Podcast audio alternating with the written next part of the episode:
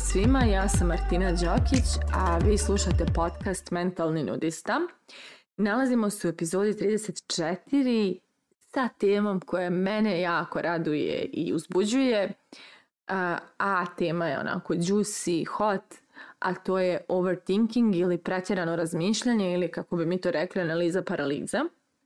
Odnosno u ovoj epizodi malo pričamo o samom pretjeranom razmišljanju i toj paralizi koju ono izaziva, a malo ću objasniti i šta ga uzrokuje i šta je meni pomoglo da promijenim to. Dakle, e, što se tiče pretjeranog razmišljanja, mislim da sam odrasla sa to i tim problemom u svojoj glavi. E, ali sam nekad u nekom trenutku života prestala toliko da to furam. Prosto taj program se ugasio, objasnit ću i kako. I, i dan danas naravno postoji neka polja ili trenuci kada upadnem u, u, u taj lup, u, u taj začarani krug, ali mogu reći stvarno da sam prilično rasterećena tog načina ponašanja. Tako da hajde da ispričamo i taj proces i sve. Da bismo razumjeli zašto je uh, pretjerano razmišljanje problematično i zašto, zašto je to jedna onako um, teška ideja za živjeti, objasnit ću prvo jednu od velikih i glavnih funkcija našeg mozga, a to je da je naš mozak prije svega tu da nas zaštiti, odnosno da nam sačuva život. I ta funkcija je nastala još kada je čovjek živio u pećini pa je njegov svaki odlazak iz pećine, odnosno iz njegove zone sigurnosti, predstavlja odlazak u divljinu na teren divljih životinja, prosto ako bi išao da traži hranu, on bi morao u šumu ili tako negdje. I to bi značilo da je u životnoj opasnosti. Znači ne u bilo kakvoj opasnosti, nego u životnoj opasnosti. I baš zato što njegov izlazak iz zone sigurnosti predstavljao životnu opasnost, naš mozak se razvio na način da analizira i e, prati šta sve mogu biti rizici te odluke i na koji način te rizike umanjiti, odnosno prosto smanjiti rizik da čovjek ostane bez svog života.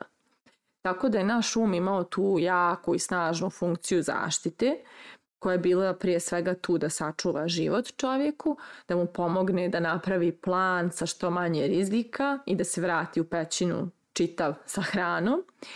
I onda je tako prošlo vrijeme, mi izašli iz pećina u takozvanu civilizaciju, a naš mozak i dalje fura svoju staru priču, a to je da pod jedan i dalje svaki izlazak iz naše zone sigurnosti posmatra kao smrtnu opasnost, bilo da je u pitanju promjena posla, e, promjena mjesta stanovanja, prilazak osobi koja nam se dopada ili šta god. Znači naš um i dalje to percipira, znači kreira nam emociju kao da smo u životnoj opasnosti, toliko je stresan taj izlazak iz zone sigurnosti. A druga stvar je da i dalje naš um sklon tome da svim našim nekim koracima koje želimo da napravimo u nepoznatom smjeru traži mane, odnosno da bukvalno traži rupe u svakom našem planu kako bi nam prikazao sve rizike i time nam pomogao da za Boga spasimo svoj život. Tako da u suštini, da, da sumiramo, naš um ima funkciju da nam pokaže gdje sve možemo da zeznemo stvar i onda kada damo mozgu vremena i prostora da on tu svoju funkciju onako e, e, odradi do daske, mi zapravo sve što saznamo je da kuda god da krenemo nešto ćemo zeznuti i bit će problema. I onda što se desi? Kada e, treba da donesemo neku odluku, hoćemo li lijevo ili desno, mi obično imamo prvu inicijalnu ideju, taj neki prvi impuls koji nam kaže, ne znam, hoću lijevo. Međutim, onda ljudi sebi kažu čekaj da malo razmislim, jel ja želim lijevo. I onda kad krene to razmišljanje, onda se jeli upali mozak i kaže, e, eh, evo sad ću ja da ti objasnim da li ti trebaš lijevo ili desno. I onda što više vremena dajemo mozgu, on sve više mana pronalazi odluci da idemo lijevo, ali onda i kad pogledamo desno i pomislimo dobro, ako lijevo nije dobra odluka, ajde da vidim da idem desno, E onda mozak kaže ček, ček, ček, sad ću da ti objasnim i šta sve može da bude problematično i da ideš u desno, jer znaš i ta odluka ima puno izazova i potencijalnih opasnosti i rizika. I mozak to prosto radi jer je to njegova priroda. Znači on ne zna ništa drugačije da radi nego da nam pronalazi rizike, manje i izazove. A ono što je problem kod, kod ljudi koji pretjerano razmišljaju što kažu mozgu izvolite u salonu, recite sve što želite da čujem šta imate da kažete. I onda mozak kaže važi, sad ću ja tebi sve probleme da pobrojim da ti vidiš kako ja super radim. I onda naravno čovjek stoji u mjestu, pogleda lijevo, a ono hiljadu izazova i, i rizika, pogleda desno, ono još hiljadu rizika i izazova, jer čovjek ne zna gdje da krene, u kom pravcu. A što više argumenata na mozak daje šta sve možda krene po zlu, to se više naših strahova budi i diže iz nesvjesnog i izlazi na površinu. I da čovjek počne da osjeća ogromnu anksioznost i stres jer stoji u mjestu paralisan i kojim god pravcu da se okrene i razmisli da napravi korak, čini se kao da će propasti. Jer nijedan pravac se ne čini pouzdan i siguran. I to je stvarno jedna ogromna agonija kada se čovjek nađe na tom mjestu, da stoji u mjestu, gleda lijevo, gleda desno i, i, i haos je i ne, ništa se ne čini kao pametna odluka. Znači to je bukvalno agonija, anksioznost, stres i to je jedan to je zapravo ulazak u, u preživljavanje jedno veliko, jer toliko se strahova podigne da mi bukvalno osjećamo kao da ćemo sve da, da, da narušimo ako koraknemo i bukvalno mozak radi 300 nasa, rizika je sve više, a mi u sve većem i većem stresu i stanju preživljavanja. E, kako sam se ja iščupala iz toga i šta je meni pomoglo? Evo, otkriću sada. Prije svega, meni je pomoglo da malo skinem pritisak sa ideje šta greška znači. Odnosno, ja sam neko ko se mnogo bojao da griješi i nekako sam svaku svoju grešku shvatala lično i mislila da svaka greška koju napravim govori o tome koliko ja vrijedim, odnosno ne vrijedim, koliko ja ne znam, koliko ja nisam sposobna. Znači svaka moja greška pokazuje koliko ja ne valjam. A onda kako sam jeli, radila na sebi, i mijenjala mnoga neka svoja uvjerenja, između ostalog se potkačilo i to da promijenim uvjerenja šta greška jeste, a to je da je greška puka informacija da li sam krenula u pravom pravcu ili nisam. Mislim, to je kao kad negdje idemo pa skrenemo u pogrešnom smjeru pa shvatimo da smo skrenuli pogrešno, mi samo kažemo aha, dobro, pogrešila sam, vratimo se i nađemo pravi put. Znači, e, tako je i svaka greška, bilo koje prirode. Znači, promašili mi karijeru, vezu, e, državu u kojoj živimo, uvijek postoji opcija da kažemo ok, sad znam da ovo nije za mene, ok, bit će naravno emotivno pro, treba proći taj proces prihvatanja da je to greška, da treba drugačije, baba truć i onda se pro, promijenimo pravac i idemo u nekom drugom pravcu dok ne otkrijemo koji je naš. I kada sam to negdje shvatila i shvatila prosto da je greška proces učenja, Znači da ništa što ja, to jest da sve što ja danas dobro znam, sve u čemu sam super ili vrhunska, ja sam u svemu tome napravila hiljadu grešaka pre nego što sam došla na taj nivo, pa čak i dan danas kada sam dobra u tim nekim stvarima i danas griješim. I onda samo shvatite, pa dobro, nemoguće biti živa, ne griješiti, bukvalno je nemoguće i sve što smo naučili u životu od hodanja, pričanja, pisanja, trčanja, sve je učeno uz pomoć grešaka I kada sam to redefinisala, postalo mi je jasno da ne treba previše da razmišljam o svojim izborima, nego da poslušam taj inicijalni osjećaj, pa i ako promašim, samo ću promijeniti odluku i idemo dalje.